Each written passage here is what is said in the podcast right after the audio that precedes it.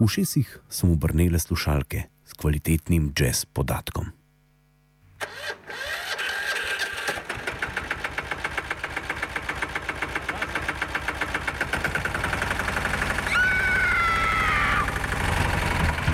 E, kaj pa je to?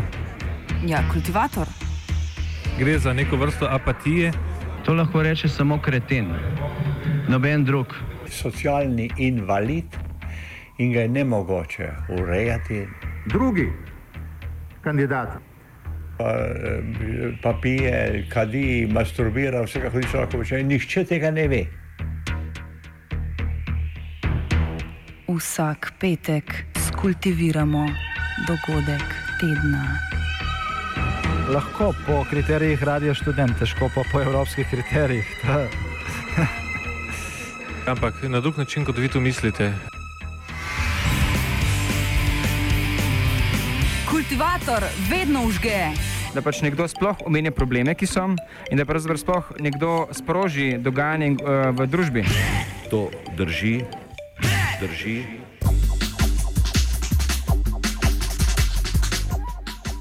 Podnebje tam spodaj.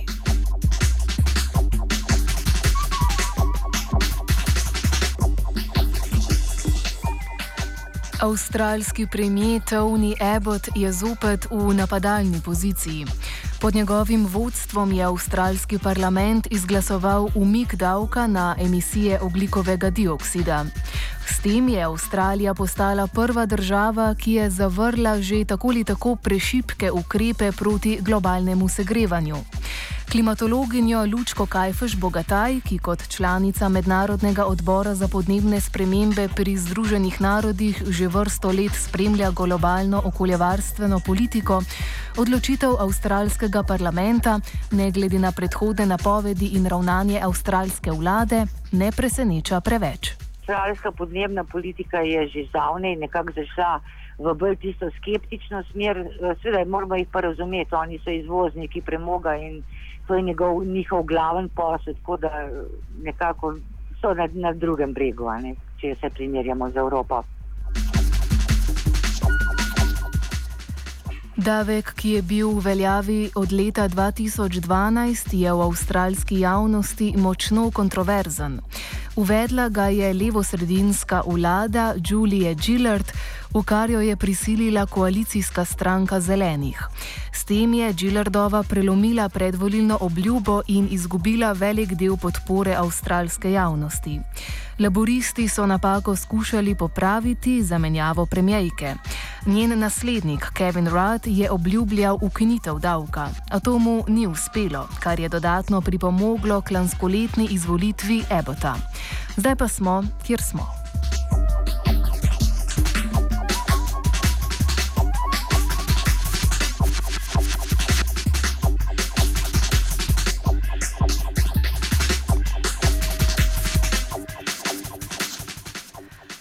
A zakaj je obdavčitev onesnaževalcev v Avstraliji tako nepriljubljena? Olivia Camber iz avstralske organizacije Climate Institute našteje tri prepletajoče se razloge. Še pred nekaj leti je bila večina avstralske javnosti naklonjena ogličnemu davku. Od takrat je na podlagi političnih prepričanj prišlo do močne polarizacije glede tega vprašanja. The introduction of the carbon price in Australia became tangled up with the politics of uh, the last few years in the country. And so there was really strong opposition to the carbon price from the former opposition party. Um, and that has contributed to an environment where a lot of um, political time has been spent on criticizing any form of carbon pricing, scaring the public that this is going to be, that it would be a dangerous and destructive policy. And what's actually happened is that almost none of that has come true, but it has made for the uh, it has made the policy much less popular than it was even a few years ago. What's really surprising, in fact, is that if you go back to 2007, Australians of both major political parties and most of the public were strong supporters of putting a price on carbon. What happened in the meantime over the last few years is that the politics of doing that became very confrontational and very destructive, and that's contributed to the unpopularity of the carbon price.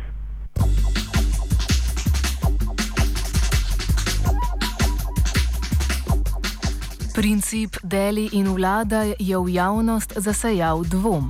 Tehnico pa je prevesila močna politična in korporativna propaganda, ki ga je spremljala. I would say there was a lot of misinformation being thrown around, both by members of political parties and by businesses. And there, a lot of, there was a lot of scare campaigning. People were told that the carbon price would wreck the economy, that jobs would be lost, that prices would skyrocket. Um, this, that, that, this went on for months and months and months and months. And that's just not been the experience that anybody's had. We've had two years of carbon pricing. During that time, the economy has grown uh, and greenhouse gas emissions have gone down. So it's actually worked exactly as it was supposed to.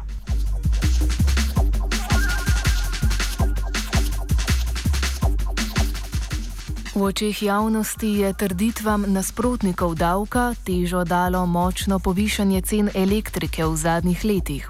To je bil eden glavnih dokazov o škodljivosti obdavčitve, kljub temu, da obdavčitev sama pri podražitvi energije ni bila ključna. What's happened over the last few years is that the price of electricity in Australia has gone up by about 70%. It's increased hugely. The carbon price added 10%, slightly less than 10% to the electricity price. So it's true that the carbon price increased the price of electricity. It's also true that it was not at all the main factor of higher prices, and so removing it hasn't done anything about all the other reasons why electricity prices have been going up in Australia, and removing it has not solved any of the problems that have led to those higher prices.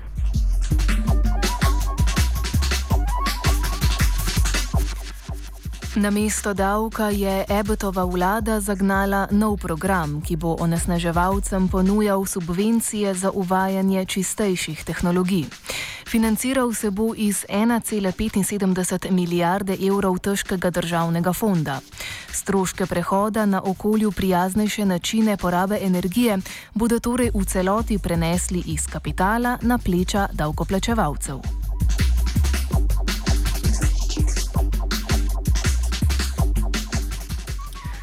Ebot se tudi na mednarodnem parketu bori proti omejevanju onesnaževanja. Tudi to je povsem skladno z njegovo obrambo domačega kapitala. Avstralija je namreč največja svetovna izvoznica premoga, najbolj umazanega fosilnega goriva, ki zaradi nizke cene žene gospodarstva mnogih razvijajočih se držav. Fosilna goriva skupaj predstavljajo več kot 30 odstotkov avstralskega izvoza. Pod Ebotovim vodstvom država aktivno nasprotuje tako imenovanemu zelenemu podnebnemu fondu v okviru Združenih narodov. Ta predvideva pomoč že razvitih držav pri uvajanju zelenih tehnologij v državah v razvoju, kar bi prineslo manj zanimanja za avstralski premog. Konferenco v Varšavi, na kateri so potekala pogajanja o tem fondu, je Avstralija obstruirala. Na isti konferenci je bil v razpravi tudi vršavski mehanizem, ki bi revnejšim državam pomagal financirati škodo zaradi ekstremnih pojavov povezanih z globalnim segrevanjem. Tudi temu je Avstralija nasprotovana.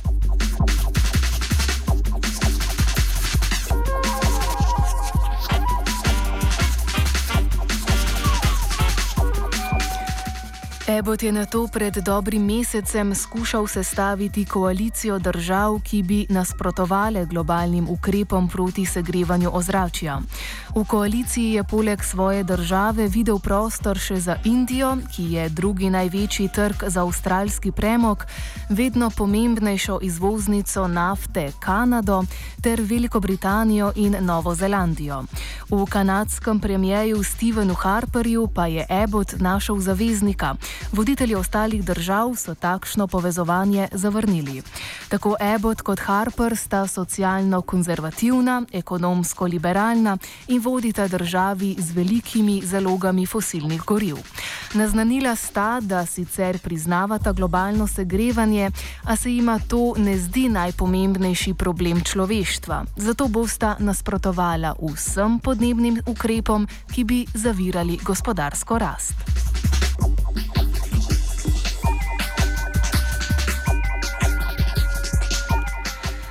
Možnost, da bi druge države, predvsem avstralske somišljenice, ko gre za podnebna vprašanja, sledile potezi vlade in parlamenta v Canberri, dopušča tudi Kajfeš Bogatajeva. Mislim, da je čas itak nastopil, da se iznajde nek drug način. Ne? Samo uh, trgovanje z izpusti pravzaprav ni prineslo nobenih uh, fizikalno, če tako rečem, zmanjšanj izpustov. Ne? Uh, posebej tudi Evropska unija ni bila dosledna pri tem. Vemo, da se je prodajal več kuponov oziroma dodeljeval, kot je sploh bilo zmogljivosti, bilo je precej nepoštenih potez. Ja, lahko se zgodi, da bo še kdo uh, sledil, ker itak ta sistema, veste, če v njega niso vključeni vsi, nima posebnega smisla.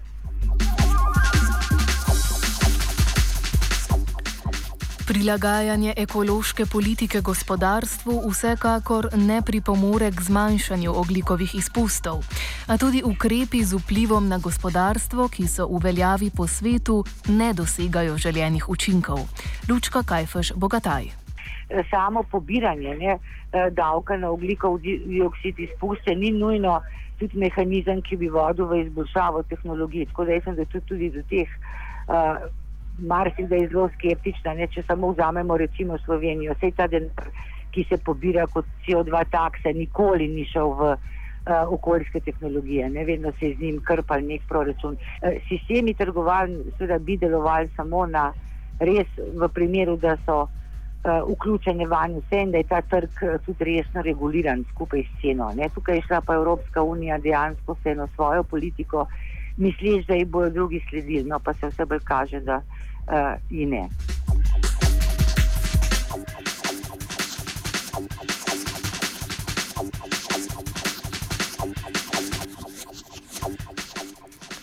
Prevladojoča ukrepa v boju proti podnebnim spremembam sta obdavčitev, ki jo je do nedavnega imela tudi Avstralija, in trgovanje z oglikovimi krediti. Oglični davek ne zamejuje zgornje količine izpustov toplogrednih plinov, vendar vsaki izpuščeni toni oglikovega dioksida določi fiktivno ceno, ki jo onesnaževalci v obliki davka plačujejo državi. Podjetja imajo torej takojšno spodbudo, da zmanjšajo svoj oglični odtis in znižajo višino davka. Država naj bi pridobljena sredstva vlagala v uvedbo ukrepov, ki nadaljno zmanjšujejo izpuste, kar pa se pogosto ne dogaja.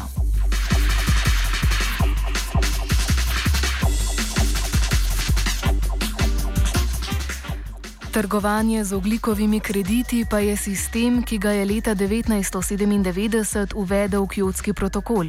V tem sistemu država njej dodeljeno količino kreditov razdeli med podjetja v svojem gospodarstvu. Vsak kredit predstavlja eno tono izpuščenega oglikovega dioksida. Podjetja lahko na to s krediti trgujejo med seboj. Število kreditov je torej teoretično omejeno in s tem tudi skupna količina izpustov lahko kredite tudi proizvajajo s financiranjem projektov, ki dodatno zmanjšujejo količino oglikovega dioksida v ozračju, od pogozdovanja do veternih elektrarn in izboljšanja energetske varčnosti hiš. Dejanska vrednost onesnaževanja v takem sistemu je torej odvisna od razmer na trgu.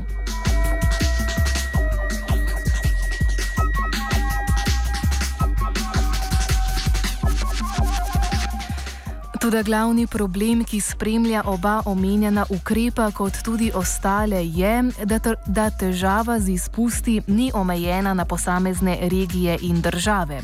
Zato bi kakršen koli ukrep deloval le, če bi bil sprejet na globalni ravni. Dejansko je problem, ki se kaže v globaliziranem svetu, ta, da izpusti niso več omejeni samo na neko državo, ampak pravzaprav prihajajo iz vseh držav, od katerih uvažamo stvari. Ne? Recimo, če omenim samo Švico, ne Švica recimo na svojem ozemlju eh, spusti samo 30 odstotkov CO2, 70 odstotkov izpustov prihaja iz uvoženih stvari. Ne? Tako da gre dejansko za drugačne razmisleke, ne? verjetno za bolj trgovinske davke, ne uvozne davke, kaj podobnega, ampak tukaj pa Svetovna trgovinska organizacija skratka, ne upravlja svoje vloge oziroma so direktno nasprotuje takim pristopom.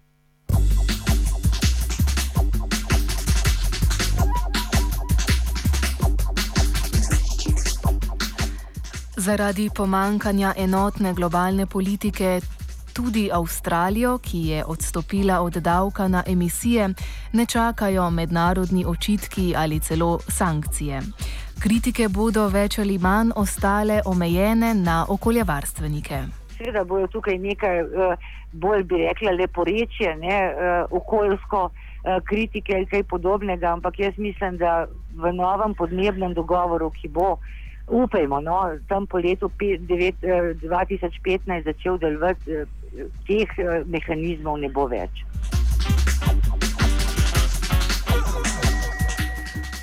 Svetovna politika že od prve globalne podnebne konference v Danskem Kopenhagnu leta 2009 išče skupno osnovo za oblikovanje novega podnebnega sporazuma, ki bi nasledil neefektiven kjotski protokol. Konferenca se je, podobno kot tudi nekatere naslednje, zaradi nepremostljivih razlik med tako imenovanimi državami v razvoju in razvitimi deli sveta, končala brez dogovora.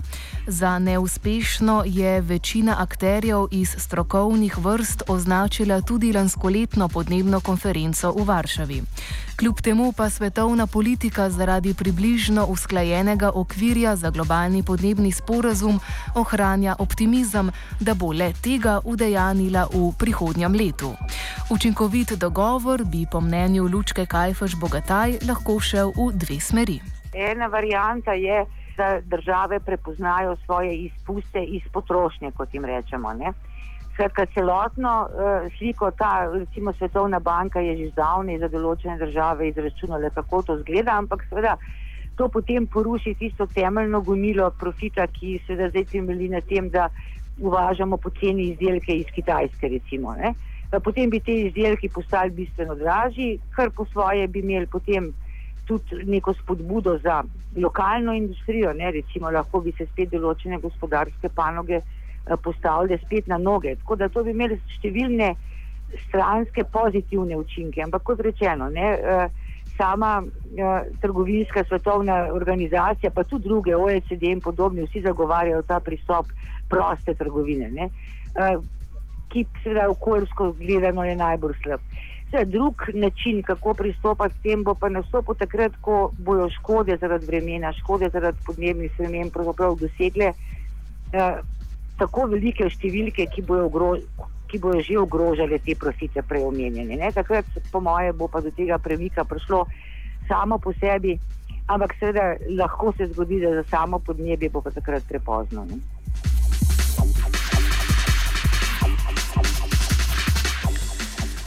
Umik davka na emisije oglikovega dioksida v Avstraliji je očiten primer podrejanja okoljevarstvenih in podnebnih vprašanj gospodarskim, hkrati pa odprava davčne dajatve za onesnaževalce ozračja odpira vprašanje ekološke učinkovitosti tovrstnih ukrepov.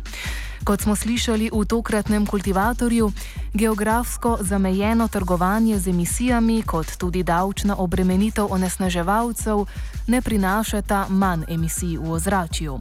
To pa ponovno kaže na nujnost čimprejšnjega sprejetja globalnega podnebnega sporazuma.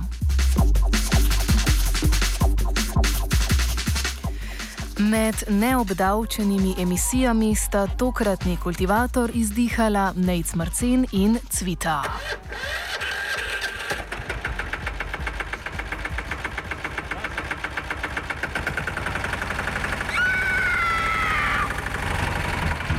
Je, kaj pa je to? Ja, kultivator. Gre za neko vrsto apatije. To lahko reče samo kreten, noben drug. Socialni invalid in ga je ne mogoče urejati. Drugi kandidat. Pa, eh, pa pije, kadi, masturbira, vse kako človek počne, nihče tega ne ve. Vsak petek skultiviramo dogodek tedna. Lahko po kriterijih radio študent, težko pa po evropskih kriterijih. Ampak na drug način, kot vi to mislite. Kultivator vedno užge. Da pač nekdo sploh omenja probleme, ki so, in da pravzaprav sploh nekdo sproži dogajanje uh, v družbi. To drži, drži. Ja, mani kura, pedi kura, ne kultura, ne kultura, vse to, suševalna kura, vse. Hello.